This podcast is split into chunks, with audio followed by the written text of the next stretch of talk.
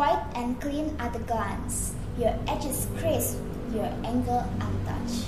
Under the eye of the master finds you, unfold the corners, unbend the layers, stove in pain and misery. Screaming the silent, you must not.